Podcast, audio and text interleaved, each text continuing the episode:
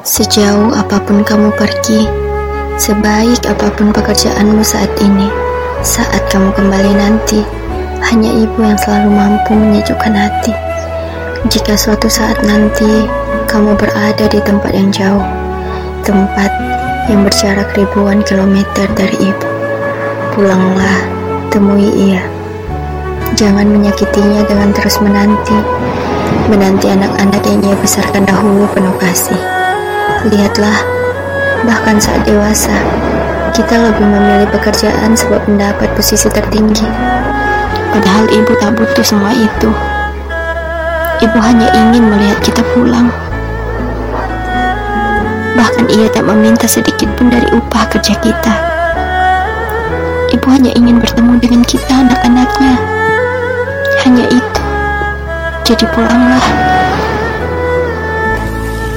Minta maaflah padanya.